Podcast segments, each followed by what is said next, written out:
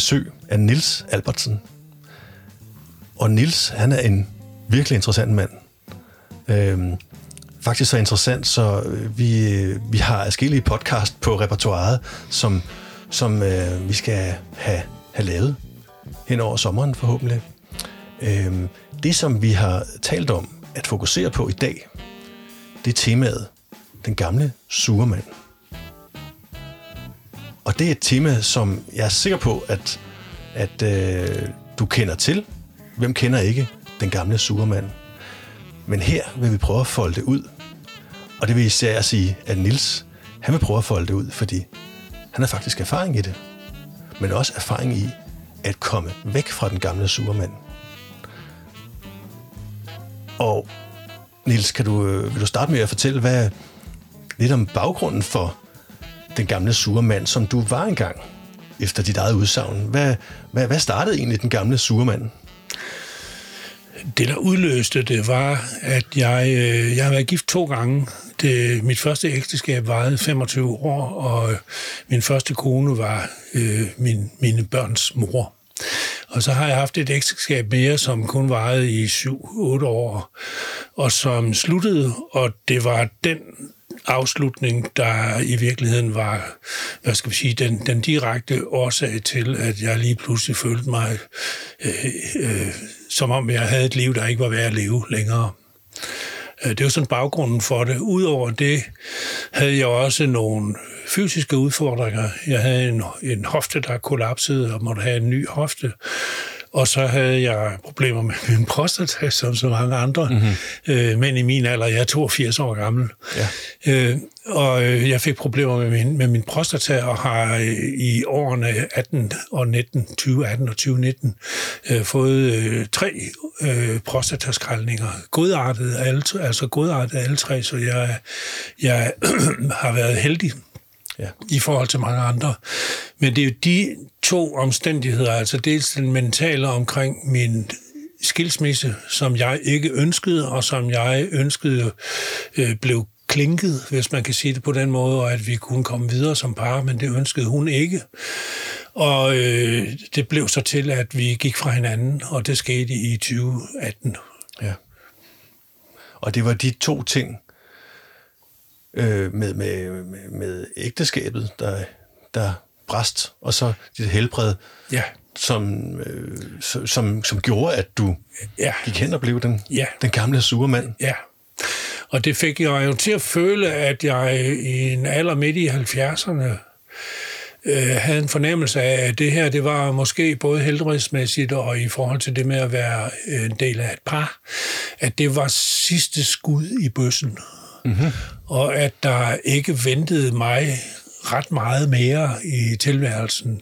Og det er jo en meget tom fornemmelse at sidde med. Øh, men måske også temmelig forståeligt, når man er nået op midt i 70'erne, så ja. kan det godt være, øh, være svært at, at, at se nogen lys fremtid for sig. Ja. Sådan var det i hvert fald for mig, og jeg tror, jeg, jeg, tror, jeg deler den fornemmelse med, med mange andre, og det skyldes tror jeg også, at øh, vi mænd, vi er ikke nær så gode til at håndtere personlige kriser og udfordringer, som, øh, som øh, kvinder er. Det er Nej. kvinder meget bedre til, og kvinder er meget bedre til at bruge for eksempel, eller ikke for eksempel, men primært deres relationer øh, til at komme igennem sådan nogle kriser. Det er vi mænd ikke ret gode til. Jeg var i hvert fald ikke. Nej, relationer. Det, er, det, det, det skal vi i hvert fald ind på i, ja. i dag, fordi det, ja. det optager dig meget. Ja. Og jeg forstår også, at det har været en, en stor del af, af svaret på, ja. hvordan man kommer ud af, ja af, af det med at være den gamle surmand. Altså, det kunne være, at vi, øh, vi kunne, vi kunne øh, prøve at pingponge lidt med, hvad, hvad forstår vi egentlig ved den her gamle sure mand? Altså, jeg tror, at forskellen imellem at være ung og være gammel i virkeligheden handler om, at den unge har blikket fremadrettet, hvorimod den gamle har blikket bagudrettet. Mm-hmm. Som gammel er man tilbøjelig til at have blikket stift rettet mod bagspejlet, og at leve i sin fortid. Hvorimod unge mennesker ikke rigtig har nogen fortid på samme måde, som man har som gammel, og derfor er det mere naturligt for unge mennesker at rette blikket fremad, fordi der er så meget, der venter på dem. Ja. Og det tror jeg er den væsentligste forskel imellem at være ung og gammel. Og det var lige præcis også den følelse, jeg selv havde. Ja. At jeg var havnet i en situation, hvor jeg så mig selv som, som øh, hvad skal vi sige, som overlevende efter et godt liv, men uden ret meget at glæde sig til. Der var ikke ja. rigtig noget livsindhold, som jeg kunne få øje på, øh, som ville have værdi for mig. Det forekom mig at være, øh, som om løbet var kørt, øh, at, mm. øh, at sådan var det, og at jeg ikke var i stand til at gøre noget ved det. Der er ikke noget at se frem til, måske? Altså, man siger, tro, håb og kærlighed. Vi har brug for, for et eller andet. Det sidste, vi skal... Ja vi vil miste, det er i virkeligheden øh, øh, altså håbet ja. om ja. det gode liv, eller ja. noget, vi, vi, vi kan se frem til. Ja. Men det er jo sådan for mig øh, sådan en hovedpointe, den her med, at, at mit blik var bagudrettet, og jeg levede i fortiden, og ja. at det var en fejl. At det, det, det, måtte der gøres noget ved. Det var der så nogen, der hjalp mig med, det kan vi så komme tilbage til, men, ja. men det, det var jeg ikke ret god til at uh, iscenesætte selv. Nej. Så, og er det også en af de der karakteristika ved den, ved den gamle surmand? Altså som jeg ser det i hvert fald, så kan jeg jo byde ind, at jeg ser det som en, der, der netop øhm, er løbet sur i, i, i, i, måske i livet, øh, ser sig selv som offer, øh, ja. øh, måske ikke har de der relationer på plads, øh, måske også kombineret med, at øh, konen hun ikke gider længere at være sammen med en, og, øh, og, og det kan også være, at man har til, til haft sit arbejde som den, den bærende identitet, og nu er man gået på pension. Hvad er der så? Øh, og man har måske ikke nogen fritidsinteresser eller netværk, og, og øh, at man så ender i sådan en... Øh, Ja, hvordan føltes det egentlig at være den gamle Superman? Altså, det føles jo ensomt. Det er ja. en ensom tilstand at være i. Øh, og det har selvfølgelig noget at gøre med, at man mangler nogle relationer. Og det hænger så i gang, hænger så sammen med, i hvert fald for mit vedkommende, at jeg igennem et langt liv har været tilbøjelig til at overlade rigtig mange vigtige ting til min samlever, altså til min hustru. Ja øh, eller rettere sagt mine hustruer, både den første kone, jeg havde, den anden kone, mm-hmm. jeg mhm. havde, som jeg lod ikke bare lod overtage, men som jeg faktisk meget bekvemt overlod ting til. Al logistikken var overladt ja. til hende. Det var hende, der lavede aftalerne øh, om familiefester og vejfester, og om vi skulle deltage i det ene eller det andet, eller om vi skulle invitere gæster på lørdag og så videre. Det er sådan ting, der lå i hænderne på hende, fordi det var bekvemt for mig. Så jeg ja. kunne nøjes med at sige ja eller nej, eller nikke eller ryste på hovedet, når, når spørgsmålet var, om vi skulle til, til min svigerdatters fødselsdag, eller, eller, eller hvad det ja. nu var. Og det var jo sådan en flugt fra, øh, altså en bekvem flugt fra noget, som jeg troede var ligegyldigt, men ja. som har vist sig for mig absolut ikke at være ligegyldigt. Nej. Øh, så hun blev øh, min og vores logistikchef Øh, ligesom hun overtog øh, flere og flere andre opgaver. Hun var bedst til det med internettet, og derfor var det hende, der stod for øh, det ene og det andet og det tredje, der var relateret til ny teknologi og så videre. Det var ikke, ikke lige mig. Jeg havde igennem et arbejds, langt arbejdsliv haft øh, meget interessante opgaver, har haft et rigtig, rigtig godt arbejdsliv. Og det fyldte øh, i virkeligheden meget mere end mit, end mit parforhold. Ja. Øh, og jeg må sige, at hvis, hvis jeg havde brugt lige så meget tid på at pleje mit parforhold, som jeg brugte på at pleje min bil, så, så tror jeg, at der var nogle ting, der ville have set, andre, der ville have set anderledes ud for mig. Men det er der aldrig nogen, der har fortalt mig eller lært mig, Nej. at, øh, at det, øh, det her, her nu, nu, nu skal du passe på, for dine prioriteringer er, er forkerte. Ja, så du man kan sige, du bliver mere og mere inkompetent i øh, alt det, som du senere hen fandt ud af, var utrolig vigtigt at være, ja. og rart at være kompetent i. Ja, Ja. Skal vi lige lave et lille øh, sidespring over til, til det med, øh, det, det, selvom det er lidt et, på kanten af emnet, men, men du havde en meget interessant pointe omkring det der med, hvad det egentlig er, vi, vi, vi lærer som, som børn. Altså, ja. Det, det, ja, prøv at ja, fortælle om det. Jeg kan undre mig over øh, lære indholdet i folkeskolen. Ja. Og det handler bare om det, både om det personlige, men også nogle, nogle praktiske ting. Jeg kan jo, på det praktiske plan, kan jeg undre mig over, at man lærer børn i folkeskolen at, læse, at løse anden og tredje grads ligninger. Jeg har selv, og jeg hævder, jeg tror, jeg er det måske en ud af 10 eller en ud af 30, der senere i livet får brug for at løse en anden græsligning eller en mhm. tredje græsligning. Men det er, der er aldrig nogen, der har hjulpet mig med at få et husholdningsregnskab til at hænge sammen. Nej. Det er der ingen, der lærer nogen i folkeskolen, men de lærer at løse andengradsligninger som de aldrig nogensinde får brug for. Ja. Og hvor der er 100.000 vis af eksempler på mennesker, der ikke kan styre deres egen økonomi. Ja. Det burde man opprioritere. Det er sådan på det praktiske plan. Så er der to andre opgaver, som jeg kan undre mig over på, øh, at man ikke beskæftiger sig med. Der er ingen i folkeskolen, der har lært mig noget om, hvordan eller hvad det kræver af mig at være en god forælder. Nej, det er rigtigt. Øh, de, der er noget, der med tiden er kommet ind i undervisning, som handler om, øh, om seksuel undervisning, hvor det væsentligste tema, tror jeg nok, stadigvæk er at lære børn, hvordan de undgår at få børn. Men der er ja. meget lidt om, hvordan man, hvordan man løser opgaven at være en god forælder, en god, for det her tilfælde, en god far for sit barn eller for sine børn, for mm-hmm. drengebørn, for pigebørn, for børn i det hele taget. Det er sådan den ene ting. Den anden ting er, at der er heller ingen, der har lært mig, hvordan man er en god partner i et parforhold. Nej. Det er ikke noget, man lærer børn. Det må de selv finde ud af. Til gengæld lærer vi, at hvis vi skal køre bil, så skal du have 10 timer hos en kørelærer, og så skal du have et kørekort, for ja. ellers må du ikke færdes i trafikken. Og glat du er fri, så, så du det kan, hele. Ja, du kan sætte børn i verden lige så tosset du vil. Øh, øh, det, det, men at køre bil må du ikke. Du må ikke sætte en vandhane op, uden at tilkalde en VVS, autoriseret installatør, eller et lampested, eller hvad det nu er. Så de der øh, Øh, prioriteringer af forskellige kaldte fagområder, om du vil, øh, det er efter min mening helt skak i folkeskolen. Ja. Og det er jo, øh, det er jo lidt en øjenåbner, for mig i hvert fald, fordi det er jo fuldstændig rigtigt, at, at prøv at tænke, hvis, hvis, hvis man nu havde lært det, som du beskriver her, ja. og sige, jamen det, det, fik jeg, det fik jeg tital i, i, i, i at forstå parforhold, eller forstå en partner. Fordi det har vi trænet i tre år, inden ja. vi skulle til eksamen i det.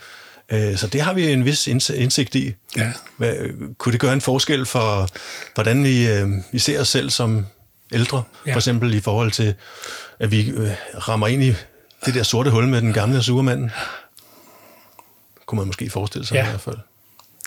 Du havde, vi havde det der med, vi kom fra det med par, forholdet, at, at du i virkeligheden oplevede, at du blev, og nu er det mig, der lagde ordene i munden på dig, at du blev øh, mere og mere inkompetent, øh, som tiden gik, fordi at øh, det var faktisk din kone, der havde styr på relationerne og på aftalerne og på initiativerne, og du, øh, du tog dig måske mere arbejdslivet og Ja, jeg, jeg, og han faldt i øvrigt til, til indholdsløse aktiviteter. Øh, jeg begyndte at spille golf, golf for eksempel. og det er jo en indholdsløs foretagelse, at man sammen med fire eller tre gode venner stiller sig op og slår en lille hvid bold så langt væk man kan. Og så øh, går man rundt sammen med de gode venner og finder den, og så fejrer man gensynet med bolden ved at igen at slå den lige så langt væk, du kan. Ja. Hvorefter man igen starter en eftersøgning. At det kan man få hele dagen til at gå med. Og det må jo faktisk høre ind under det, der man må kalde indholdsløst. Men du har samtidig beskrevet, at, at det gav dig noget. Ja, det, altså det, det giver selvfølgelig noget socialt, men det ja. giver mig jo navnlig i den alder, jeg har fået nu, øh, er, det giver mig jo navnlig de der 16.000 skridt, som det giver at gå øh, 18 huller på en golfbane, og det har jeg godt af. Ja. Og det er det, der gør, at jeg øh, vil blive ved med at spille golf. Fordi de 18.000 skridt et par gange om ugen eller tre, øh, de gør mig rigtig godt, og alle siger, at det er smadret sundt, og det tror jeg på. Men hvis vi så går tilbage til den gamle mand, kunne man forestille sig, eller ikke gamle surmand, kunne man så forestille sig, at, at øh, der faktisk ligger en, en, en større værdi i at spille golf, end øh, at man får gået nogle kilometer, men at, at det, som for eksempel kvinder kan, man taler jo aldrig om den samle, gamle sure kvinde, øh, at, at det der med relationer, øh, og bare det at være fysisk sammen med nogen, ja. øh, og bruge tid på noget, om det så er, at man sidder og drikker kaffe, eller øh, man strikker, eller man, øh, man cykler, eller man et eller andet, at, at det faktisk også i sig selv er en pointe for det gode liv. Det er du ret i. Øh, jeg oplever jo med mig selv, at jeg tidligere var drevet af den slags konkurrencegen, som gjorde, at jeg ville gerne vinde, jeg ville gerne være så dygtig til det som muligt, og, og så videre. Øh, og det er jo nu afløst af, at jeg har måttet indse, at at fra nu af, eller fra for nogle år siden, går det faktisk øh, tilbage. Og det siger, jeg bliver faktisk dårligere og dårligere til at spille golf, fordi sådan er det jo nu en gang, når man bliver ældre. Og det har så fået mig til at, øh, at indse, at værdien i det ligger som jeg sagde før, i de, i de 16.000 skridt. Men de, værdien ligger også i, at der er et socialt samvær. Mm-hmm som øh, kommer til at fylde mere og mere, og som betyder mere og mere øh, for mig. Og det er også en god forklaring på, at, eller det hører med i forklaringen på, at jeg bliver ved med at, at bruge tid på at, at rende rundt og lede efter den lille, ja. hvide, den lille hvide bold. Øh, ja. Fordi det måske umiddelbart virker meningsløst, hvis man tager det sådan for, hvad det er, hvis man skulle beskrive det ja. i en sms-længde. Øh, ja. Men men, men måske ligger der alligevel en, øh, en, en lidt guld der, fordi du har, du har fortalt mig, at, at øh, du i dag øh, er meget interesseret i at opbygge nære relationer. Ja. ja, det er jeg. Jeg er meget optaget af at, at ændre, eller hvad skal vi sige, udvikle og udbygge og etablere øh, gode relationer til både dem, der står mig nært, men også dem, der ikke står mig så nært. Jeg har tidligere, ja, jeg kan sådan bruge et billede på det, som er, at i forhold til min nærmeste familie, jeg har to børn, en datter og en søn, at jeg har hidtil følt mig i, i det der familieskab med dem, der har jeg egentlig følt mig som passager. Mm-hmm. Og øh, nu er der så, er der så i de forløbende år, er der så sket en udvikling, som gør, at jeg mere føler mig som en af besætningen. Ja. Og der er forskel på at være en af besætningen og være passager. Ja.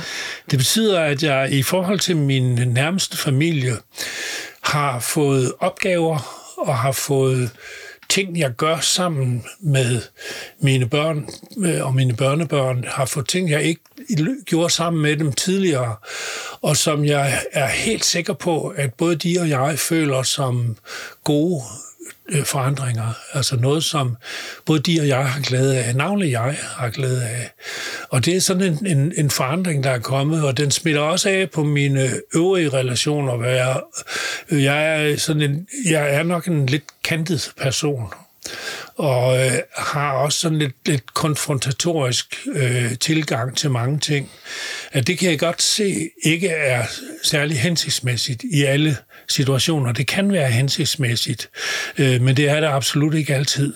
Mm-hmm. Og jeg har savnet evnen til at neddrosle min konfrontatoriske trang, at neddrosle den, og i stedet for øh, søgt at etablere øh, gode, sunde øh, relationer, gerne til mennesker, som jeg ikke deler synspunkter med. Det er, ikke, det er nemlig ikke nødvendigt, at man deler synspunkter med. Derfor kan man godt have en god relation mm-hmm. til hinanden, selvom mm-hmm. man mener øh, noget fuldstændig modsat. Det kan man se ud af vores politikere, der drikker kaffe ja. sammen, hvad enten de er enhedsliste folk, eller ja. konservative, ja. eller det der er værre.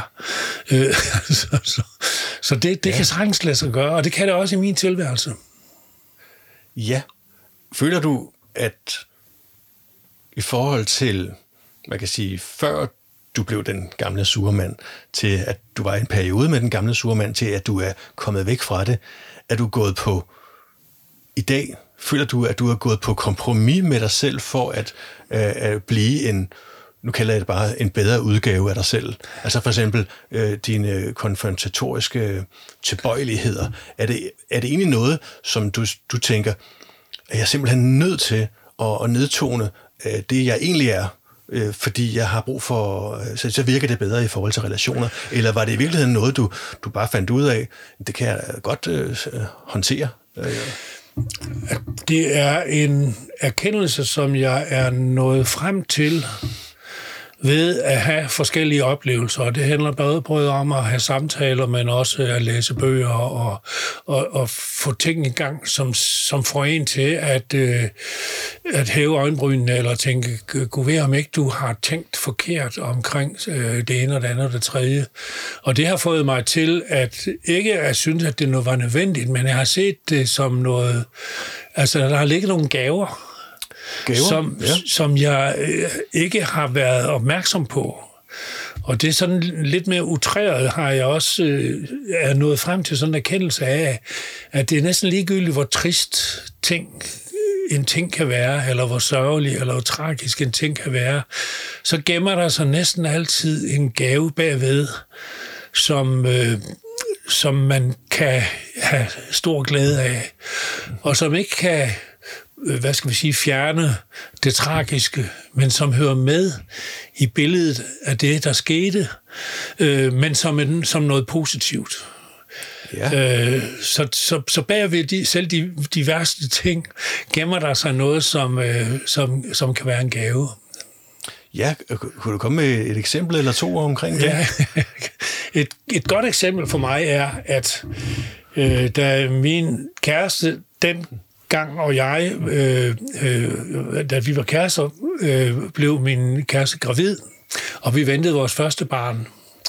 Det var tilbage i midten af 60'erne, slutningen af 60'erne. Mm-hmm. Og det var på et tidspunkt, hvor der ikke var fri abort. Og havde der været fri abort, så havde øh, vi valgt det. Men der var ikke fri abort, og den eneste vej til abort ville være noget illegalt kvak, kvaksalveri, og det valgte vi selvfølgelig fra. Mm-hmm. Og derfor fik vi et barn. Men hvis der havde været fri abort dengang, så havde jeg ikke haft min søn i dag, og jeg ved ikke, hvad jeg skulle gøre uden, uden ham. Nej. Så bag den sørgelige kendskærning det, vi ikke kunne få en abort dengang, gemmer ja. sig en gave, som er overstråler mange gange, 100, mange hundrede gange, øh, den omstændighed, altså hvad skal vi sige, irritationen over, at man ikke kunne få øh, have fri abort, som, ja. som, som et, for mig et godt eksempel. Ja. Et andet, men ikke, øh, ikke helt af samme skuffe. Øh, min kone har mistet et barn, øh, som druknede som treårig, og som døde efter at have ligget bevidstløs i et år. Og øh, da det stod også klart, at hun aldrig ville blive til menneske, rigtig menneske mere, besluttede vi, at vi ville have et barn til. Ja. En lille søskende til den søn, vi havde. Og øh, det besluttede vi trods det, at vi havde besluttet os til mange år tidligere, at vi faktisk kunne have to børn. Men vi valgte altså at få et tredje. Og grunden til, at vi valgte at få et tredje, var ulykken med vores barn, der druknede. Og var det ikke sket, var hun ikke druknet, så havde jeg ikke haft min datter. Nej. Og det er selvfølgelig ikke det samme som at sige, at det var godt, hun druknede. Nej. Men det er alligevel en, og altså det er, øh, det er noget, som, som tæller i det samlede billede også, at vi fik en datter, som jeg heller ikke ved, hvad jeg skulle gøre uden i dag. Nej. Øh, og det er altså også en, en, en lidt anden slags eksempel på, hvad, hvad der kan være, alligevel kan, kan gemme sig bag, bag gode ting, eller ja. bag dårlige ting. Ja, og det er jo, altså, har det, har det meget med, Øh, skal vi sige, mindsetet at gøre. Og selvfølgelig at, at leve med øh, og håndtere og være trist til måde og alt det her, der ligger i tragedier og så videre, men, men, men også se, hvad det så kan, kan gøre gode ting, altså afledt, eller hvad Jeg det tror, er. det kræver vilje, lyst og vilje til at, øh, at ville se det Man skal være opmærksom på, at der kan findes ting, som man skal kigge godt efter for, for øje på. Og i situationerne er det jo meget svært. Altså, der var også der, da hun lå bevidstløs i det år der, der var der ikke ret meget andet end det, der talte. Nej. Øh, og sådan er det. Men senere hen, når man tænker på sin tilværelse, så er det, så er det en, i allerhøjeste grad en formidlende omstændighed i forhold til de triste ting, man har oplevet, at der kom noget i stedet, som ikke var erstatningen for det, man mistede, men som har en værdi, og som er værd at tage med i det, i det samlede livsregnskab, når man gør det op. Ja. Og det kan få en til, tror jeg også, at skifte fra en tilværelse, som for mit vedkommende primært var levet i, hvis man kan bruge det udtryk, var levet i mol, og hvor jeg synes, at min melodi i dag, den er mere i dur. Ja. Øh, det er sådan den, den, den store forskel på det, eller ja. mellem de to situationer. Ja. Og øh, i forhold til det, der så skabte øh, den surgamle mand i dig, var det, det med, at uh, din kone, hun faktisk valgte at sige, ja. det, vi skal ikke fortsætte, vi skal ikke klinke skårene, vi skal Nej. ikke forsøge igen. Var det også en, et eksempel på, ja. at der kom noget, ja, noget godt faktisk, ud af det? Ja, det er et rigtig godt eksempel. Jeg var, det var ikke mig, der ønskede skilsmissen, det var hende. Og jeg var mest for, at vi forsøgte at klinke skårene. Det ville hun ikke være med til. Og det var jeg både ked af, men også øh, utilfreds og lidt fortørnet over. Men nu burde jeg sende hende en stor buket roser, fordi jeg har øh, indset, at siden vi gik fra hinanden, har jeg fået et liv, der er langt bedre end det, jeg ville kunne have fået med hende. Og jeg er overbevist om, at hun siger det samme at hun efter at være øh, fri for mig, øh, har fået et langt bedre liv, end hun ville have kunne få sammen med mig. Ja. Så det er også det er faktisk samme, af samme skuffe der gemte sig en gave i skilsmissen, som var, og det kan man roligt, der, der må man godt tage det til indtægt, en gave, som var langt større end tabet. Ja, for jeg begge to. Ja, det tror jeg. Ja. Det er jeg overbevist om. Ja. Jeg tror, hun siger det samme som jeg. Jeg ja. ved det ikke, men jeg tror det. Ja, fordi det er jo, som jeg hørte, så er det jo ikke, så det er ikke sådan øh, en anden øh, dårlig måde at håndtere Nej. en stolthed på at sige, Ja, faktisk er det blevet bedre, øh, efter du forlod mig, ja. øh, men i virkeligheden så er man bare trist inde i. Men man mener det er i bedste mening, at, at det var det rigtige, ja. og hun havde ret, faktisk. Ja. Og det er jo egentlig noget af en erkendelse. Øh, ja, og den er med til at den er jo med til at ændre sit syn på det, man er i nu. Det ser jeg så positivt på, for jeg har fået et langt bedre liv, end jeg havde dengang. Ja. Og bare den nye følelse af, at jeg har et bedre liv, er jo med til at gøre mit liv bedre. Ikke?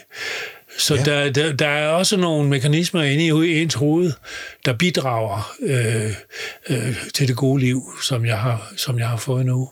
Ja, og når du har det gode liv, som du oplever i dag, så er det jo ikke kommet af sig selv, øh, forstår jeg på, i forhold til det med, at, at øh, du sådan set har været i den her gamle sure mandrollen, men der var noget, der skete, siden du kom ja, ud af den. Ja, det er rigtigt. Øh, jeg var langt nede efter øh, brudet med min eks. Og øh, i forsøget på at klinke skårene, øh, fik vi kontakt til en god ven, øh, som min søn Stig har, som hedder Morten. Og Morten er øh, øh, blandt andet parterapeut. Mm-hmm. Og han tilbød sig som mailer, eller hvad skal vi sige, som terapeut i forhold til os, at, øh, at øh, have samtaler med os, hvor vi kunne overveje, hvad vi skulle gøre. Og under det forløb gik det op for ham, er jeg sikker på, at jeg var faktisk temmelig langt nede. Og han, jeg var så langt nede, at han gik til min søn og sagde, at vi bliver nødt til at hanke op i den gamle, fordi mm. han har det skidt. Og det blev de så enige om at gøre. Og det gjorde de ved, at, øh, at vi havde, de tilbød mig. De synes vi skulle prøve at snakke sammen om fremtiden. Og det ja. galt både Morten, og det galt også en sådan Stig, der hver for sig tilbød mig, at vi kunne have samtaler om, øh, om, om tilværelsen. Og det fik ja. vi så i stand, sådan at jeg havde sådan time, time lange, dybe samtaler, som i virkeligheden ikke bare handlede om mig, men som også involverede dem og deres følelser i forhold til livet. Og der kom sådan en, pro, der, en proces i stand, som førte til, at jeg overfor denne Morten udvikle en relation, der i dag gør, at vi er venner, og jeg tror, jeg er lige så god en ven for ham, som han er øh, for mig. Mm. Og, og det er en fantastisk forudsætning for at kunne have øh, gode samtaler øh, med hinanden. Jeg havde den samme relation til min søn, som, som øh, jeg altid har haft en god relation til.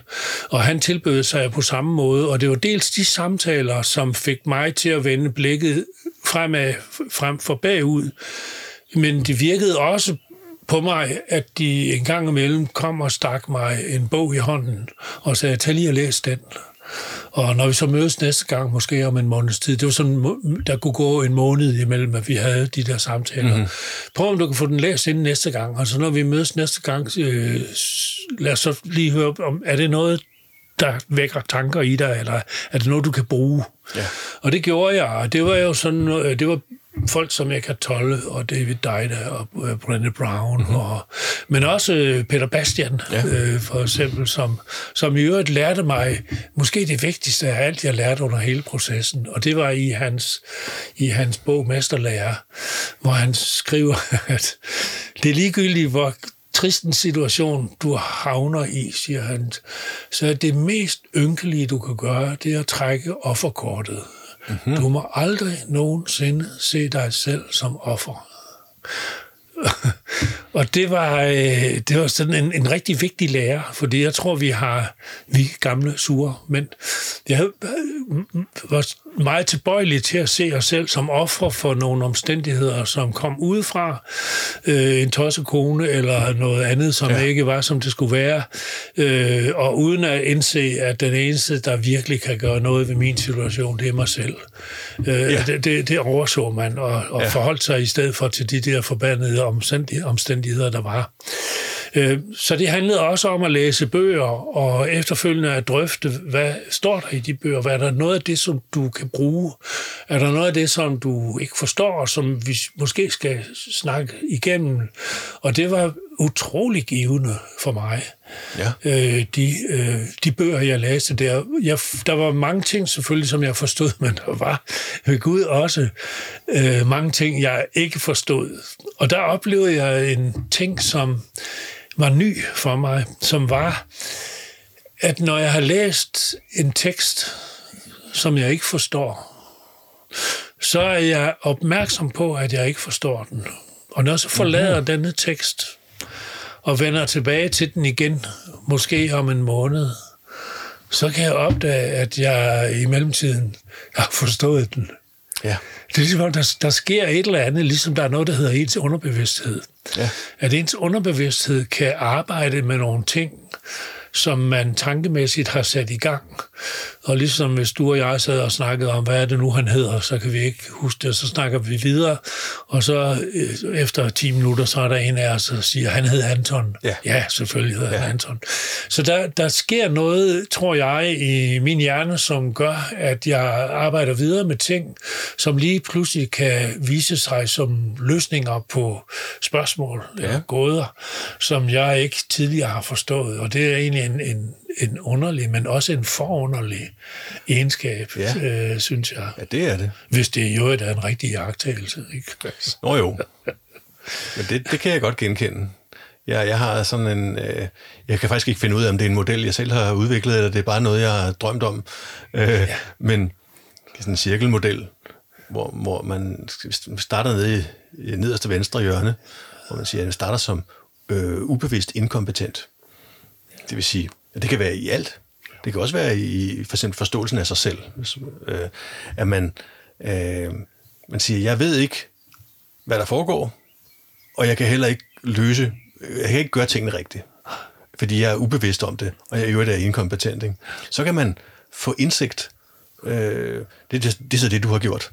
Både ved at snakke med mennesker og, og blive inspireret, læse nogle bøger, Og så måske sige, det, jeg tror, jeg er med på noget af det, og der er noget af det, øh, det kommer stille og roligt. Så bliver man bevidst inkompetent. Det vil sige, jeg ved noget.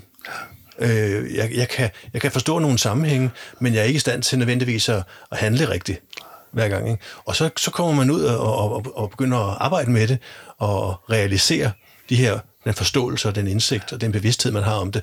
Så kan man komme over i den tredje del, der så hedder, at jeg er bevidst kompetent. Det vil sige, jeg ved, hvad jeg gør, og jeg kan gøre det rigtigt. Men det, det ypperste, som jeg ser det i hvert fald, det er så at komme tilbage igen i cirklen, i det fjerde kvadrant, og sige, jamen når jeg har gjort det tilstrækkeligt mange gange, så ligger det på ryggraden, hvad det så er. Så bliver jeg ubevidst kompetent. Det vil sige, nu skal jeg ikke engang tænke over det længere. Jeg gør det bare rigtigt, fordi jeg har, jeg har så mange kilometer på tælleren, og jeg ved, hvad der betyder noget, og hvordan jeg skal forstå verden og mig selv, og jeg har øh, erfaring i det. Øhm, og det så er vi lidt tilbage i det der med, øh, du nævnte med, for eksempel, hvorfor lærer vi det, øh, vi lærer i skolen, og hvorfor lærer vi ikke nogle andre ting, som det havde da været langt mere nyttigt at træne op allerede fra ungdommen måske, ja. øh, eller i, senere hen i parforholdet, eller ja. hvorfor ender vi som, som en, der, der, er, der er nærmest er ubevidst inkompetent om øh, det sociale. Det er jo, øh, det er jo egentlig tankevækkende. Ja, det, det, det lugter så lidt af instinkt, som man udvikler, ikke? Jo. At man kan gøre noget instinktivt rigtigt, ikke? Ja, lige præcis. Så når du er der, hvor du... Jeg vil sige, du var jo med på ideen om, at du skulle øh, have hjælp udefra. Er det i virkeligheden et springende punkt for, om man kan komme ud af den sure gamle mand? Fordi det, det, det, det lyder som om, at det, det var du med på. Men tror du, at alle sure gamle mænd er med på præmissen om, at nu kommer der nogen og samler dig op? Nej, det vil de det gerne. Tror jeg vil ikke, gerne? Det tror jeg ikke alle er, og for mit vedkommende var jeg jo øh, var jeg jo heller ikke parat, før jeg, før jeg blev parat. Og det betyder jo, at, at jeg var ikke, jeg var slet ikke opmærksom på, at der forude kunne ligge noget og vente på mig, som mm. var værd at samle op. Okay. Så det krævede jo for mig, at jeg, altså jeg havde en grundindstilling, som jeg tror faktisk var rigtig god, og det er, at når nogen, når kloge, men, når kloge, jeg vil lige sige mænd, når kloge mennesker med god vilje, som vil mig det bedste, foreslår mig noget, så er det om at høre efter. Mm-hmm. Og det mindste, man kan gøre, det er at, at, at høre efter, når man i øvrigt respekterer øh, dem, det kommer fra. Så for mig var det vigtigt, at det i hvert fald ikke skulle være noget med, at hvis det her det ender rivegalt, så skal det i hvert fald ikke være på grund af min dårlige vilje. Så når Stig og Morten tilbyder at være min sparringspartner, så er det om at stille op. Øh, og det ville være fuldstændig tåbeligt at sige nej tak til til den gave, som det i virkeligheden var. Ja. Og det tror jeg er vigtigt for alle, at man åbner sig, og at man indser, at det er så meget op i tiden, det her med, at, øh, at øh, at, at, at lukke sig op og gøre sig synlig og at vise sin sårbarhed. Øh, det anså man jo, altså jeg har jo levet i en tid, hvor, hvor man så ganske anderledes på tingene. Sådan er det ikke mere. Altså at, at vise sin sårbarhed er vejen til også at komme videre selv. Altså ved at lukke sig inde, øh, luk, lærer man jo også omgivelserne, at de skal lukke sig inde. Mm-hmm. Så hvis man vil en konstruktiv dialog, så er det noget med at lukke op og invitere. Og du får jo aldrig mere, ja, det kan du, under tiden kan du få mere, mere end du giver. Så mm-hmm. hvis du selv lukker af, så, kan du, så har du også lukket af for det, du modtager. Ja. Så det handler om at, at, at, at gøre sig åben over for påvirkning, og det gør man jo, når man har tillid til, at der er nogen, der vil en det godt. Ikke? Ja.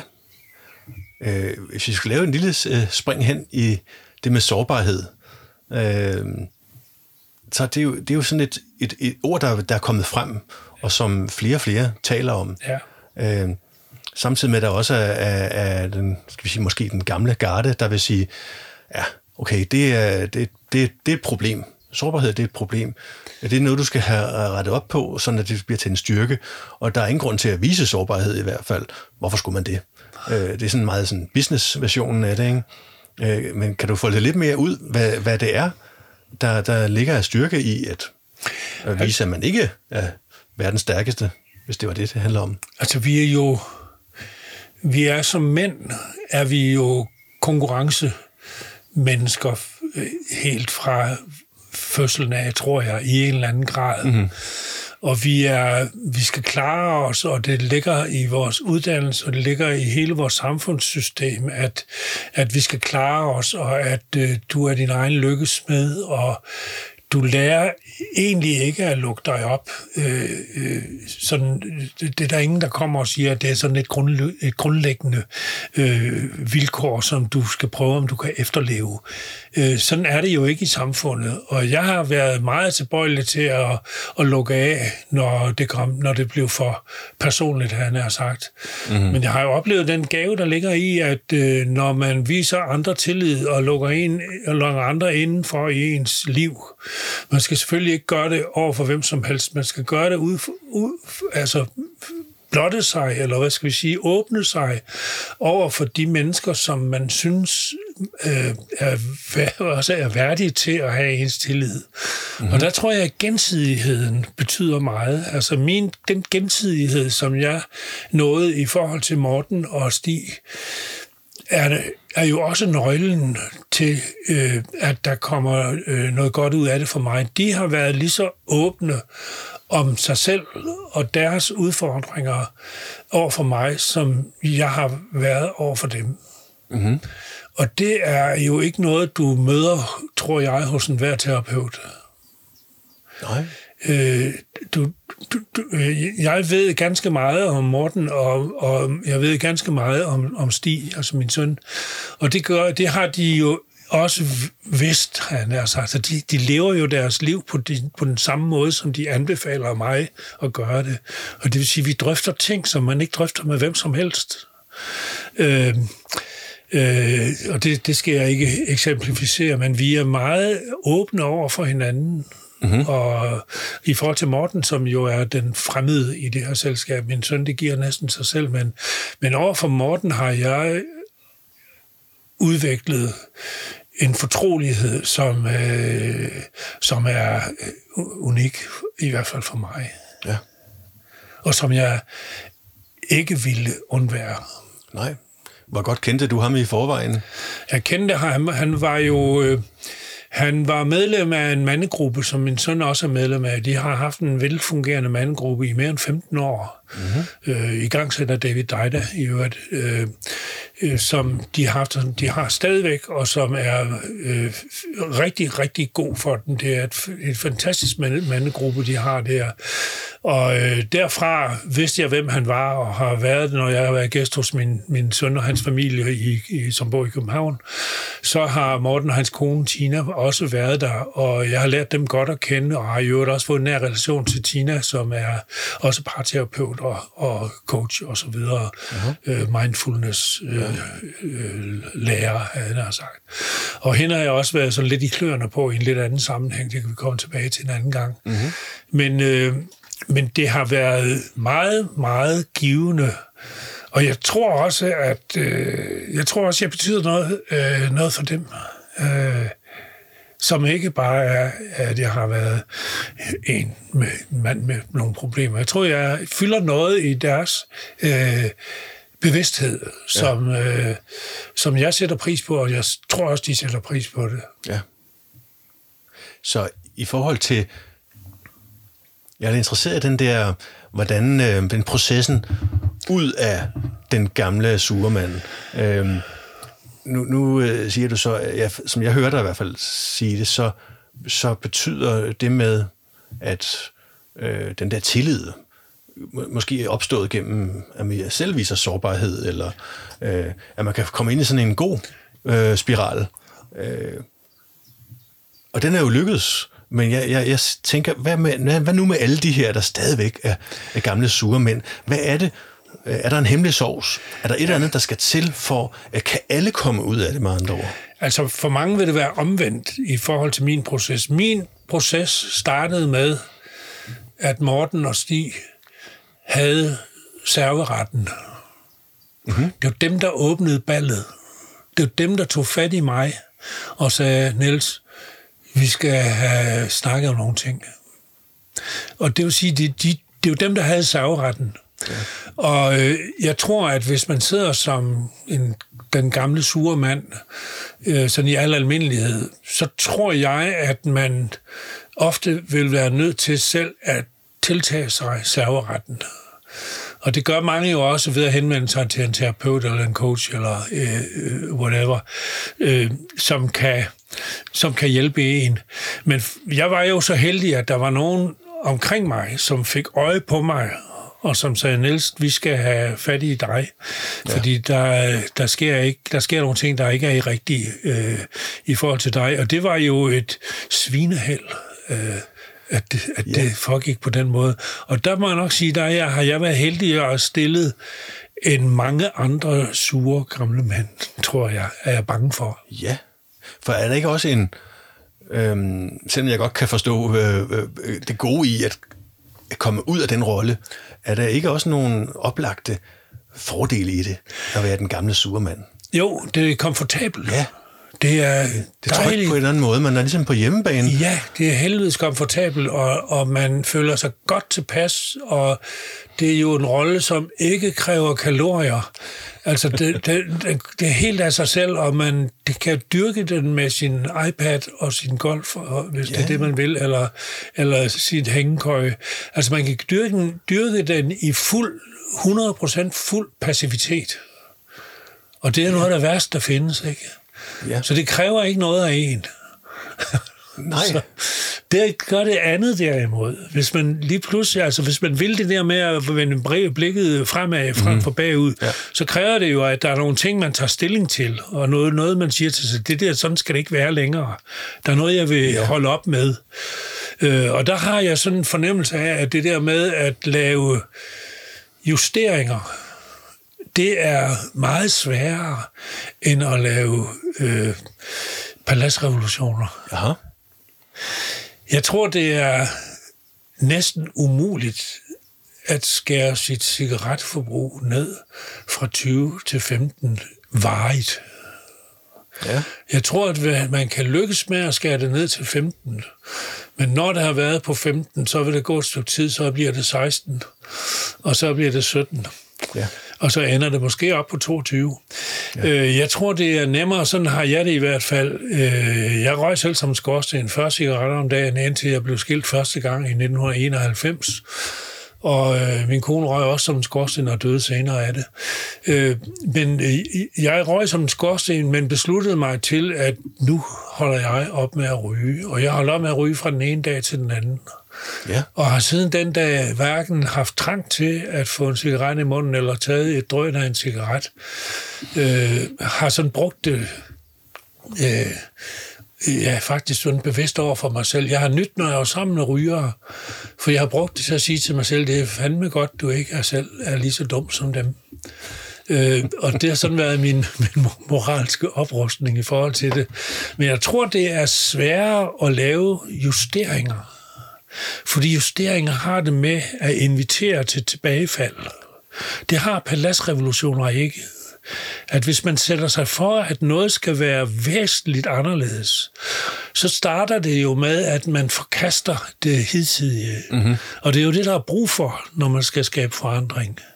Hvis ja. man tager det hidtidige med som bagage, ja. og justerer det ned fra 15 eller fra 20 til 15 cigaretter, så er det jo en justering, der tager udgangspunkt i de 20, hvor mit udgangspunkt var, at jeg skal for fremtiden ikke være ryger. Ja, det er jo noget det helt er andet. til at forholde sig til. Ja. Fordi det, det, det ved man, hvad er. Ja. Men fra 20 til 15, det kunne lige så godt være 17, ikke? Altså, ja. Øh, så den tankegang, den måde at agere på, har jeg prøvet at, at praktisere, øh, og det er ikke bare sådan en nyere dato, det har alt, egentlig altid været min, mm-hmm. min, min holdning til tingene. Og det er jo ikke alle ting, der lykkes, øh, selvfølgelig. Man prøver ting, øh, som, man, som man ikke lykkes med, også på lastrevolutionen, altså væsentlige ja. forandringer. Ja. At det er ikke alt, man lykkes med, men hvis man ikke spænder buen til bristepunktet, så kender man jo heller ikke sit potentiale. Højdespringeren, der aldrig nogensinde har revet ned, han ved ikke, hvor højt han kan springe. Nej. Og derfor er det vigtigt, at vi udfordrer os selv til, jeg lige vil kalde det bristepunktet, at vi, vi, at vi opsøger udvikling eller opsøger forandringsopgaver, som er så svære og så udfordrende, at de måske ikke lykkes. Ja. Og det har jeg da også prøvet øh, øh, med, med ting, der ikke lykkes. Øh, øh, og, og det synes jeg, man, altså det mener jeg, man, man skal gøre for at øh, erkende sit potentiale. Ja, og det er, jo, øh, det er jo lige noget, der interesserer mig, det med potentiale.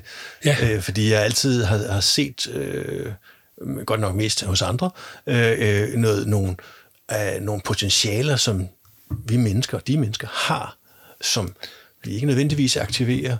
Øh, og, og når du beskriver det på den her måde, så kan jeg sagtens se for mig, at, at, øh, at, at en af grundene til, at det ikke sker, det er helt klart, at den der lille inkrementelle øh, forandring, at siger, at jeg skal også øh, jeg, jeg skal den her retning, og så laver jeg de små, sikre, øh, trygge forandringer, som der, der slet næsten ikke udfordrer mig.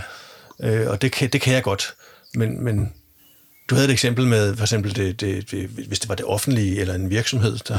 Ja, der... ja altså i det offentlige, der bliver man af politikerne pålagt, at I skal effektivisere I skal effektivisere 3% i år, ja. og det skal I også gøre næste år. Og i de der 3%, det krav, det, det fører næsten altid til, at man så siger, at løsningen på det er vel, at vi løber 3% hurtigere.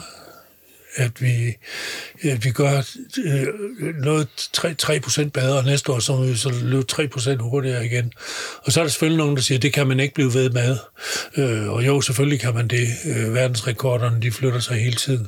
Så selvfølgelig kan man blive ved med det. Men hvis man i stedet for har sagt, at vi skal foretage en effektivisering på 40 procent, mm-hmm. så ville man hos de stakkels mennesker, der skulle gennemføre det, så ville tankerækken hos dem jo starte med, at de vil sige til sig selv, dette betyder, at vi lige så godt kan glemme den måde, vi gør det på i dag. For den måde, vi gør det på i dag, har i sig selv overhovedet ingen mulighed for at kunne gøre os 30 eller 40 procent bedre. Aha. Så måden at nå 30 eller 40 procent, eller det, endnu, værre, endnu mere, mm. måden at nå, det på er at droppe den måde, vi gør det på. Klem alt om, hvad vi har gjort hidtil, og lad os sætte os til bordet, uden at tage udgangspunkt i det, fordi ja. det når vi ingenting ved. Den gode, der var en, der hed Bob Fosbury, der sprang højdespring en gang, mm. kan du huske det? Nej. Og han sprang, fandt på det der Fosbury flop, hvor man nu springer med ryggen ah. på ryggen. Øh, det er jo noget, han fandt på og vandt guldmedalje. Ja. Jeg kan ikke huske, om det var i Rom eller et andet sted ved OL. Men hans, hans drøm var jo ikke at slå verdensrekorden med en centimeter. Hans drøm var at flytte verdensrekorden 10-20 cm op. Ja. Og det fandt han jo ud af åbenbart lynhurtigt, at hvis det skal lykkes, så bliver han nødt til at finde på noget helt nyt. Ja. Så, så de andre, de fortsatte med at springe deres gamle, øh, gamle deres måde, og springe ja. med vælterspring, og jeg ved ikke hvad. Ja. Men han fandt jo ud af, at det skal gøres på en helt anden måde, og så lige pludselig flyttede han verdensrekorden, sådan at nu springer de allerede på, alle sammen på hans måde. Men det hele niveauet er flyttet, takket være, at han ikke spekulerede i en centimeter. Nej. Så det var hans mindset. Det var, det var han, hele hans... Ja. hans øh, hans, øh, man kan sige, måske havde han det rigtige udgangspunkt, at han, han ikke bare var interesseret i at, at sige, der er et andet tal, jeg skal en ja. centimeter over, men og sige, men hvad handler det om? Det handler om ja. højdespring. Ja. Højdespring, okay. Ja. Jamen, så, så har der metodefrihed. Ja. Øh, hvis jeg lægger mig på ryggen øh, og, og laver en anden bevægelse ja. her, jamen, så er det også højdespring. Ja. Og så kan jeg lige pludselig flytte overlæggeren væsentligt højere op, ja. hvis det er det, det handler ja. om. Og det er den det er den tankegang, som jeg tror, man kan bruge i mange flere sammenhænge, end man gør det. Altså for eksempel i det offentlige. Mm-hmm. I stedet for den her bevidstløse 3% forbedring, burde man ved højtidlige lejligheder sætte sig et mål, der hedder 40% måske, eller 30, ja. eller 25, eller, ja. eller 50 for den sags skyld. Ja, fordi det ikke nødvendigt, det ikke kun er et spørgsmål om at sige, vi skal op på 30, 40, 50 procent mere eller mindre eller andet, men at det simpelthen forhindrer os i at blive, ja. hvor vi kom fra. Ja. Altså, pleje er død, ikke? Som, ja. som man siger. Ja. Øh, og man skal tvinge sig selv til at, at tænke nyt, og ikke bare en fremskrivning af nutiden. Er det en måde at... Øh, nu tænker jeg på brainstorms, som jeg altid har haft et lidt svært forhold til, fordi det, det ender altid med, at man ikke når nogen vejen, øh, kun til mere frustration. Ja. Men kunne det, nu springer jeg selvfølgelig lidt i emnet, men, men er, er det også en måde at, at, at, at, at få en bedre brainstorm, bare nye idéer, simpelthen ja. at sige, at jamen, jeg må ikke tage udgangspunkt i, i det, vi allerede har.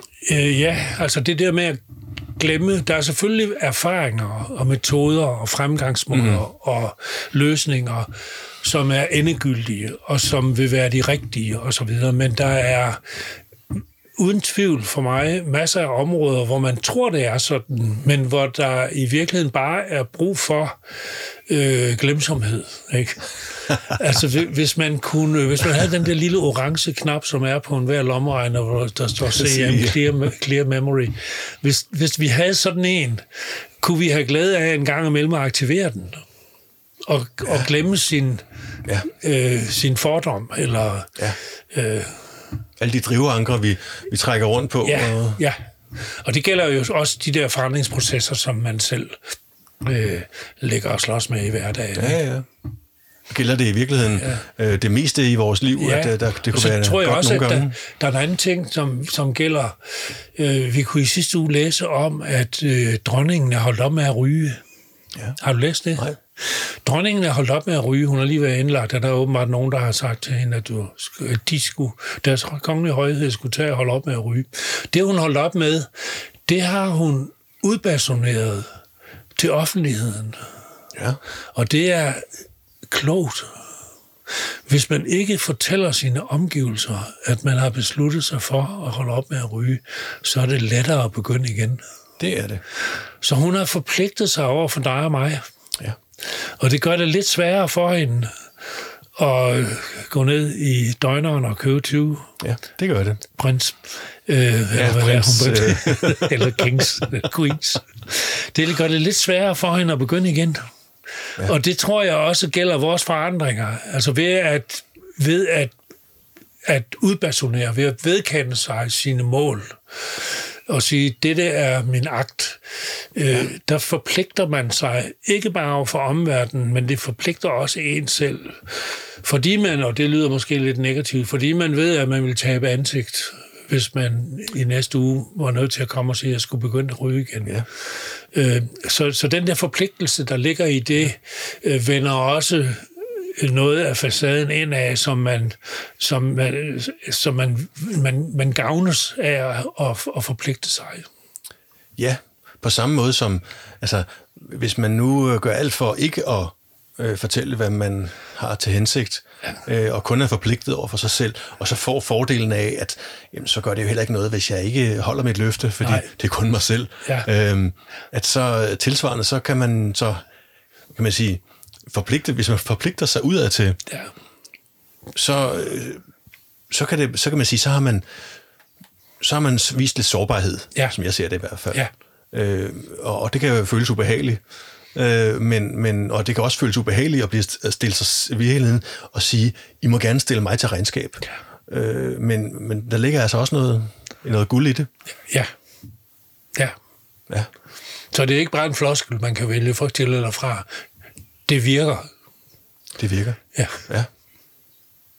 Så, for lige at vende tilbage til den, den gamle sugermanden. Ja. Øhm, der, det lyder som om, at der, der var et øh, magnetfelt, øh, ikke bare hos dig, men det forestiller jeg mig, at der er hos øh, de fleste mænd i den situation, øh, hvor det er fristende, der er mange gode grunde til at blive, hvor man er.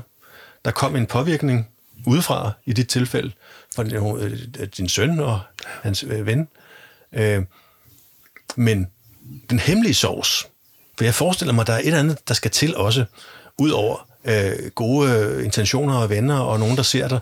Er der, er der noget med den der vilje eller forståelse for, eller du kan se vigtigheden af, at det her, det, det, du skal ikke, du vil ikke være der, du vil noget andet? Ja, det, det er selvfølgelig en forudsætning for, at, at det vil lykkes, at man vil det. Hvis man ikke vil det, så kommer det ikke til at ske. Nej. Og den eneste, altså den, der sidder med hovednøglen øh, til de aflukker, der skal lukkes op, det er dig selv at der er du, dem, dem der tilbyder at hjælpe dig, har jo i virkeligheden, de har jo ikke nøglen til de der, de, de, de kan hjælpe dig øh, til indsigt og selvforståelse og så videre, men det er dig selv, der skal ville det, og du skal have viljen til det, øh, men evnen til det, tror jeg faktisk, de fleste af os har. Øh, men terapeuter og andre, andre gode mennesker kan være gode til at holde det der spejl op for en. Og det blev jo selvfølgelig også holdt op for mig. Jeg blev gjort opmærksom på nogle ting og blev opfordret til at overveje. Min søn bad mig på et tidspunkt om, altså far, kan du ikke nedfælde de ting, de oplevelser i din tilværelse, de 10 ting, som du mener har haft størst indflydelse på dit liv. Mm-hmm. Og det kan man jo ikke sige, det kan man jo ikke sige nej til. Så jeg satte mig jo til at skrive ned de ting, så de 10 ting, jeg så som, som de væsentligste. Og hvor er nogen var mig absolut bekendte, men hvor jeg ved at sætte mig hen og tænke mig om, også noget frem til nogen, som var mig ubekendte, som jeg ikke var opmærksom på men hvor, som jeg som ved nærmere eftertanke øh, kom til at tænke på, betød noget øh, for mig. Øh, jeg er for eksempel jeg er generalist, mm-hmm. og det har jeg faktisk ikke tillagt nogen betydning. Øh, men det tror jeg, at der er selvfølgelig grunden til, at jeg er blevet øh, øh generalist. Og med generalist mener jeg, at jeg har i mig mere trangen til at, at undersøge mange forskellige ting overfladisk, end jeg har til at udvælge mig én ting, som jeg så går i dybden med. Mm-hmm. Eksempelvis har jeg, jeg har taget undervisning i klaverspil, og jeg har spillet violin, og jeg har spillet guitar, og jeg har spillet banjo, og jeg har spillet klarinet. Ja. Og jeg har spillet øh, mange forskellige instrumenter. Ingen af dem har jeg behersket. Jeg er ikke god til nogen af delene, men jeg har prøvet de fleste ting, lige så mhm. vel som jeg har spillet fodbold og håndbold og badminton og bordtennis og alle mulige ting. Meget i høj grad med en bold, jeg har spillet golf og så, og så videre. Øh, men jeg er aldrig blevet verdensmester i noget af det. Nej. Øh, og jeg kan huske en gang i golf, i min barndomsgolfklub oppe i Brønderslev, der kom der en, et nyt medlem, som hed Sten Schmidt Jensen, jeg ved ikke, om du kan huske det navn. Nej. Han var i mange år øh, dansk mester i 10-kamp, og opnåede ved OL i en syvende plads i 10-kamp, og det er ikke hvem som helst, der gør det. Det er for, for mig den mest, mm. den fornemmeste disciplin. Men han begyndte at spille golf, og vi og han sagde til mig, til mig en gang, du skal lige være opmærksom på, de tror alle sammen, at jeg bliver skidegod til det til at spille golf. Det er jeg ikke så sikker på, siger han så, for du skal huske, at jeg er jo ikke Danmarksmester i noget som helst. Jeg er en middelmådig god 100 meter løber, og jeg er også middelmådig god til at kaste et spyd og støbe en kugle og ja. springe et højdespring. Men jeg er Danmarksmester i middelmådighed. og det blev han også golfmæssigt. Ja. Ikke dermed sagt, at han ikke blev en god golfer, mm. men han nåede aldrig det der sublime, som man egentlig havde tiltænkt ham. Mm. Øh, så, så der er gode forklaringer på, ja. på mange ting. Øh, ja. Og for mig er det noget med, at min trang til det generelle, øh, har påvirket mig. Det har påvirket mig også professionelt. Jeg, jeg har virket i mange år som virksomhedsrådgiver omkring øh, strategi og ledelse og organisationsudvikling, hvor jeg har sværmet mest for mindre virksomheder, hvor jeg har kunnet få lov til at arbejde med alle virksomhedens funktioner. Mm-hmm. I et forsøg på at få dem til at spille bedre sammen at få salget til at samarbejde med produktionen og få produktionen til at samarbejde med udviklingsafdelingen og, og, og så videre. At det, det er for mig, hvad skal vi sige, materialiseringen af den omstændighed, at jeg er generalist. Ja. Og det betyder noget for mig som et eksempel på, ja. på noget. Og så tilbage til de der 10 punkter. Efter at have nedfældet de der 10 punkter, siger de så til mig, at kunne du så ikke for hver af de 10 punkter, som du mener har betydet mest for dig, beskrive, beskrive hvad har påvirkningen været? Hvor i består påvirkningen? Hvad er det for en ændring af dig, som er sket som følge mm. af den hændelse, Øh, og det har jeg så gjort mig umage for at beskrive. Og det er klart, at, at den øh, metode, han lokker mig ind i der, den har jo kun et formål, og det giver mig selvindsigt. Det er jo ikke, fordi han interesserer mm. sig for dit. Det, det er noget med, at det er måden at hjælpe mig til at forstå mig selv bedre, ja. øh, end jeg åbenbart har gjort. Øh, og har lukket mine øjne op for nogle ting. Både for nogle muligheder, jeg har, men, men også måske for nogle begrænsninger, jeg har. Nogle fravalg, ja. som kan være lige så vigtige som tilvalgene. Og, og har de... Ved du, er du i dag bevidst om, at, at den proces og bevidstgørelsen har gjort en positiv forskel? Ja, det synes jeg. Det synes jeg bestemt. Altså, øh, når jeg læser kloge menneskers bøger, så kan jeg i dem finde ting, som jeg synes er værd at efterleve.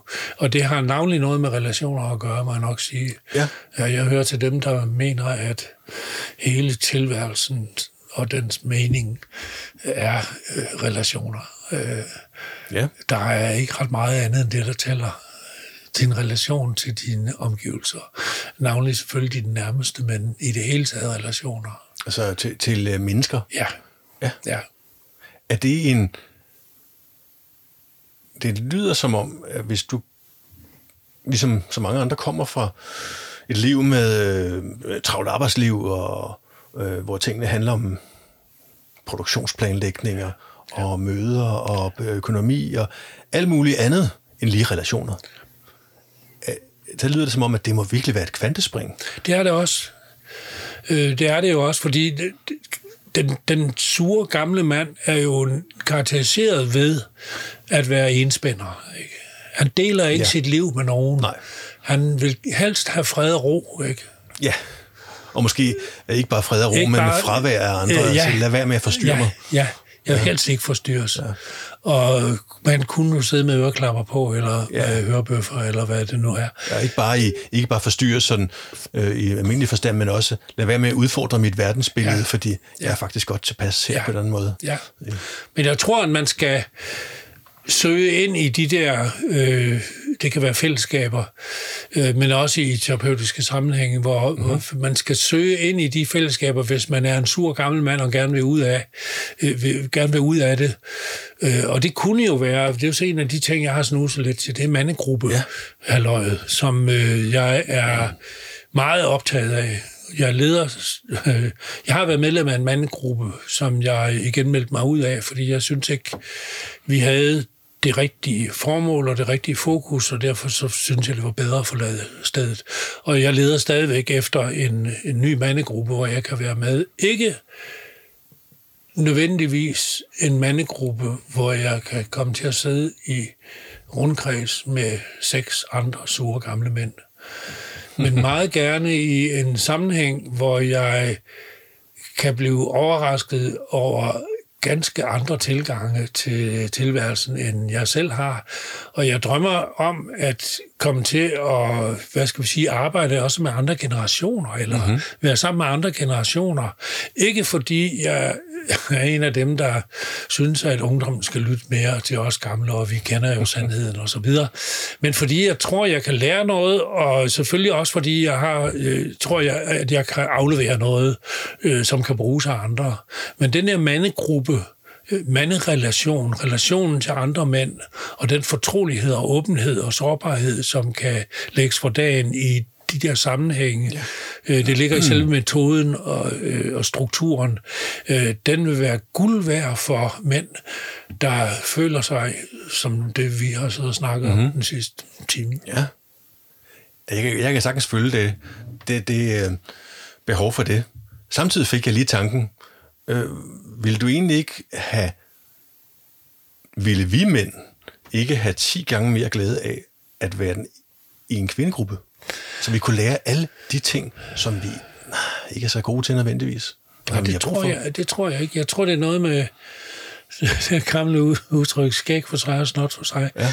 At, øh, jeg tror, at mande samværet kan bringe noget, som mand-kvinde samværet ikke kan bringe, fordi mand-kvinde samværet altid vil være i en eller anden grad øh, befængt, befængt med, måske øh, befængt, det lyder så negativt, men befrugtet af mm-hmm. øh, en eller anden kunstmæssig sammen, ja. sammen, eller hvad siger, tiltrækningskraft, som jeg tror, man en gang imellem kan have glæde af at udelukke at være ja. sammen om noget, der ikke er betinget af denne urkraft, som handler om, at kvinde søger mm. mand, og mand søger kvinde.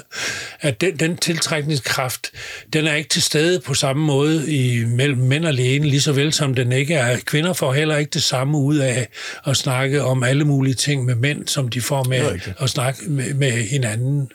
Men kvinderne, kvinder har langt større tilbøjelighed til, evne til og vilje til at ville dele deres inderste tanker med øh, deres kønsfælder. Ja. Jeg har aldrig nogensinde diskuteret en kæreste med en ven, en mandlig ven. Aldrig i mit liv. Jeg har aldrig nogensinde snakket om min seksualitet med nogen anden mand. Mm. Og jeg har ind til ja, de senere år, der har jeg sådan helt klart været mere fortrolig med, øh, med enkelte kvindebekendtskaber, end jeg har været med, med nogle mandlige bekendtskaber. Mm-hmm. Og det er en fejl, tror jeg. Ja. Det er en fejl, som, øh, som mandegruppe øh, teknikken, hvis jeg må kalde den mm-hmm. det, øh, råder båd på. Ja. Den går op med det. Og det er et sundt opgør som øh, kommer blandt andet sure gamle mænd til, til, til gavn. Taler vi mænd for lidt med hinanden? Ja, alt for lidt. Vi taler jo ikke med... Vi taler om tredje ting. Mm-hmm. Om ikke, og ikke med hinanden.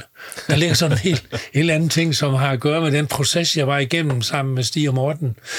At en af de ting, de gjorde mig opmærksom på i forhold til parforholdet, var, at vi har, hver af os har tre liv, vi skal tage øh, alvorligt. I et parforhold, der er der din kvindes liv, som er et selvstændigt liv med hendes selvstændige egne indhold, med de ting, som hun gerne vil fylde ind i det liv, og som jeg er tilskuer til. Øh, på samme måde har jeg et liv, som er mit liv, og som indeholder aktiviteter og opgaver, som er mine, og hvor løsningen af opgaverne kan godt være, at jeg sparer med min kvinde, men jeg har dem som mine egne opgaver. Det er mine løsninger, der skal til, og hun er tilskuer til dem.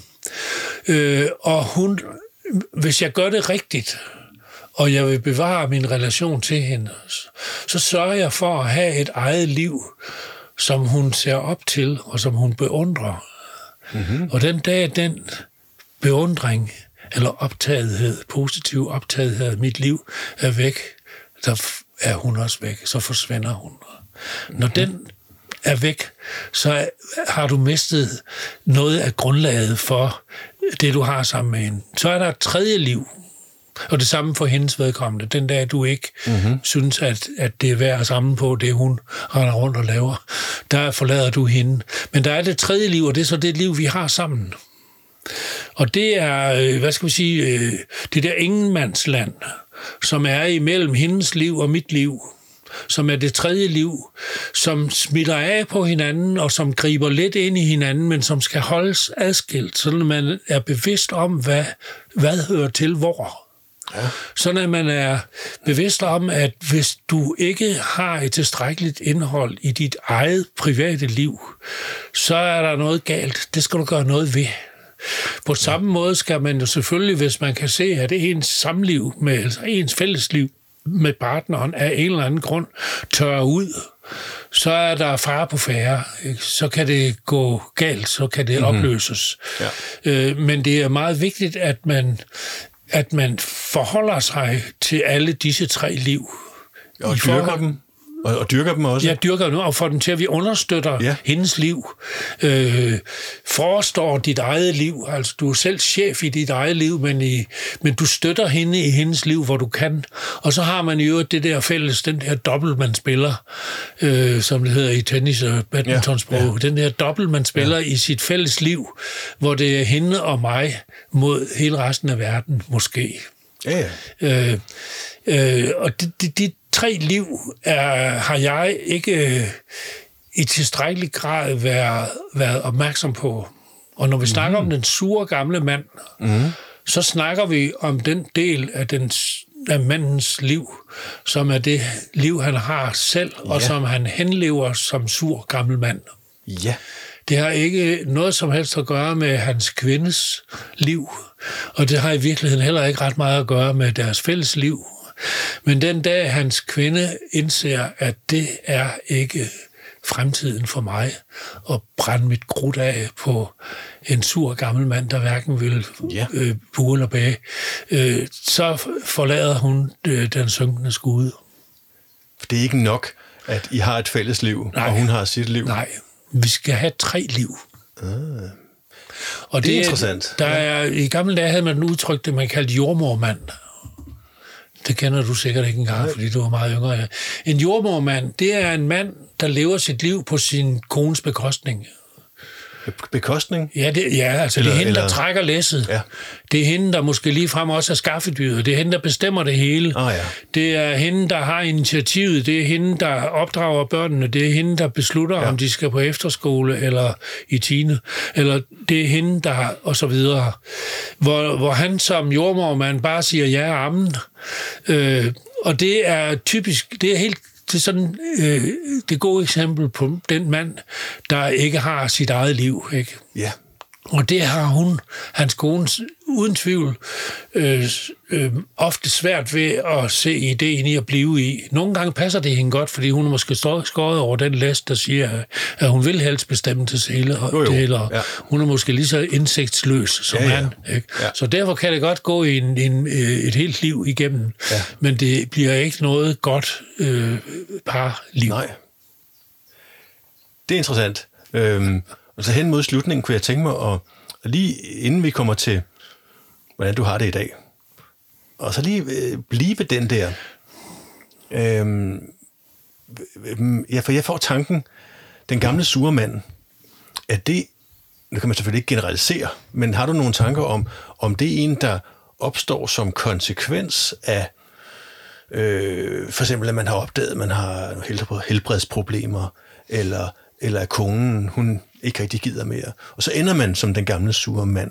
Eller var du allerede den gamle sure mand, der ikke havde dit eget liv, som var værd at, at, at interessere sig for, og derfor synes konen, at det var uinteressant. Kan du, kan du følge mig i forskellen? Ja, ja og du har ret. Var, var du der allerede? Ja, det har, jeg var allerede den, den gamle, ikke så sure mand, som jeg blev øh, i mit ægteskab. Mm-hmm. Men du har ret i, at jeg overså øh, den opgave, der for mig bestod i at skabe mig et liv, som var beundringsværdigt, og som kunne få min dengang kone til at sige, det var fandens, han er ikke så tosset.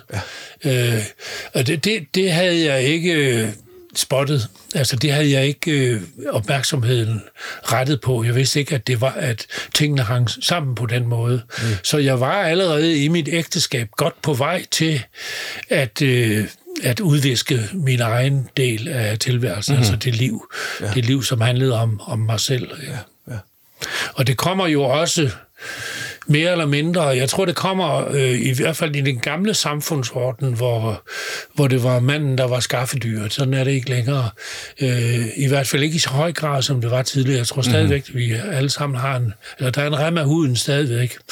Men, men dengang var det meget udpræget, at det var, at det var meget skældsættende for en mand at forlade sit arbejdsliv. Ja. At forlade sit arbejdsliv, det var i den grad en paladsrevolution. Ja øh, at der lavede man det hele om, og resultatet af de der øh, stop i arbejdslivet er jo også meget tit, som man ser det, at efter at have droppet arbejdslivet, går mænd fuldstændig i stå. Ja. Nogen går fuldstændig i stå så høj grad, at de dør, inden der er gået et år eller to ja. eller tre. Ja. Og det er ikke tilfældigt. Øh, det har sin forklaring. Det har sin forklaring i, at de mister det liv, som de selv øh, var optaget af at brænde kalorier af på, men de mister også det liv, som deres øh, ægtefælle var tilskuer til, og som hun beundrede, øh, øh, hvis det i øvrigt gik, som det skulle. Ja, ja. Øh, så der, der, der, der ligger en hel del begravet i vores øh, kunstrollemønster, som i min generation var den, at manden var skaffedyret. Øh, jeg har aldrig følt mig som skaffedyr, men jeg var den, der skaffede huset sin indkomst. Mm. Ikke? Ja. Så er der, er der udsigt til, at øh, når nu vi, vi trods alt har en, en lidt anden øh, arbejdsmarked og øh, roller, øh, hvem der tjener pengene, hvem der øh, hvem passer børnene, hvem der siger, at det, jeg gider ikke arbejde mere end højst nødvendigt, og så videre. Kan, vi, tror du, at øh, den gamle sure mand, er, er, det noget, der, er, det, er, det, er det noget, der hører lidt fortiden til? Øh, vil det blive skidt ud, hvem der så er den gamle sure mand eller kvinde? Det kan det godt, men det er stadigvæk en faldgruppe. Ja. Og det vil, øh, jeg tror, det vil altid være en faldgruppe. Det vil også være en faldgruppe for kvinder. Øh, kvinder, der har et rigt arbejdsliv, og som lige pludselig af en eller anden grund, eller ja, på grund af alder, af, af, hvad siger, alder øh, øh, trækker sig tilbage, de vil have den samme risiko øh, hængende over sig, men fra naturens hånd vil de jo have den fordel, at kvinder er bedre til at øh, klare de der udfordringer end mænd. De vil søge sammen om løsningen. Ah. De vil søge veninderne om løsningen. Og, og øh, der vil de så finde, finde løsninger, som mænd ikke er så ja. gode til at finde. Ja, det tror jeg, du har ret i. Niels, her til sidst, fortæl mig, hvordan, øh, hvordan har du det så i dag? Altså, jeg har en helt andet liv. Øh, da jeg var i, i starten af processen, der er jeg sådan en, en praktisk ting. Jeg, jeg, jeg tænkte og talte om mine sidste år. Som sagt er jeg 82. Øh, at jeg holdt op med at tænke og tale om mine sidste år. Jeg taler nu om mine kommende år. Mm-hmm. Og det vil sige, at jeg har ikke jeg har ikke nogen tydelig horisont på min tilværelse. Jeg ser ikke, øh, jeg øh, begynder ikke at, og jeg ser ikke frem mod, mod en afslutning, som jeg øh, vil være tilbøjelig til at sætte øh, år eller dato på. Jeg ser det som om, jeg er i en livsproces, hvor jeg selv bestemmer, hvor meget indhold jeg vil have. Mm-hmm. Og det er selvfølgelig noget, der er fastsat af, af min energi, blandt andet, som selvfølgelig er svindende med alderen. Og jeg har ligesom øh, alle andre gamle, jeg har en masse øh, mindre dårligdomme, som alle mænd i min alder, og som vi er tilbøjelige til at bruge som, som undskyldning for, eller forklaring på, at, at der er tempoet ikke er så højt. Så jeg har mine udfordringer. Øh, det kniver med min hukommelse. Jeg har noget slidgigt, og jeg har en kunstig hofte. Og jeg øh, har min prostata, som jeg øh, slås lidt med, og der er sådan, jeg har, øh, øh jeg har en, en, en hjerteflimmer, som jeg slås med, så der, det er ikke fordi, jeg ikke har de ting, jeg hører dårligt og ender med en skøn dag at være døv. Men, men, øh, men de der udfordringer prøver jeg på at få et forhold til, sådan at jeg ikke ser på dem som en uendelig lang række af små nederlag. Når jeg opdager, at mit handicap på golfbanen forringes fra år til år, så prøver jeg, om jeg ikke skal trække på smilebåndet og sige til mig selv, jamen det går jo faktisk planmæssigt tilbage. Ikke? øh, øh, I stedet for at græmmes og, og blive ked af det. Mm-hmm. Sådan at jeg prøver på at forene mig mere med den aldring, som jeg er underlagt, og som jeg godt ved fører til en eller anden, ikke en eller anden, men som fører til en, en kulmination på et eller andet tidspunkt. Men denne kulmination optager mig egentlig ikke ret meget. Mm. Jeg har stadigvæk, synes jeg, blikket fra, øh, rettet mod, altså ud gennem forruden. Ja, ja lige præcis. Øh, ja, øh, jeg har godt nok to sidespejle og et et bagspejl, men, men, men min opmærksomhed er meget mere rettet forud, og jeg har, øh, synes jeg selv, gode relationer til mine omgivelser. Ja. Jeg har gjort, no, gjort noget ved de ting, som jeg gerne ville gøre noget ved, og noget af det blomstrer, øh, må jeg nok sige, ja. øh, øh, rigtig godt. Og andre, ja, alle tingene er i en fortsat udvikling, men nogen er mere færdiggjort end andre, øh, må jeg sige. Mm-hmm. Og så, så jeg føler, som det hedder med det, jeg føler, at jeg er et rigtig godt sted. Ja, og det virker også som om, at du, at, at du rent faktisk er det sted. At det ikke er noget, du, du øh, lige rappler af, når, ja. når nogen, nogen spørger. Ja, ja. Hvordan har du det? Er et godt sted. det synes jeg er et godt sted at, at slutte, medmindre du har et eller andet vigtigt på hjertet, vi lige skal nå at vende. Der, ja, der er en tilføjelse i hvert fald. Jeg har jo fået en relation til en, en kæreste, som står mig meget ja. nær, og som, som tankemæssigt er meget på linje med det, jeg har siddet og disket op med, med nu her mm-hmm. den sidste times tid. At der, der hun er meget i tråd med, øh, med det, jeg mener. Og både hun og jeg er opmærksom på, at, at vi er sammen, indtil vi ikke ser øh, det som det optimale for os begge to. Den dag, jeg ikke er attraktiv for hende længere, der, øh, der tror jeg, hun vil forlade mig. Og det gør, at jeg bruger også kalorier på at øh, gøre noget for at, at gøre mig øh, værdig for hende. Som ja. du kan huske Onslow i som siger, hvad hedder det, life is a constant struggle to remain attractive. og det er i al sin enkelhed, hvad det handler om.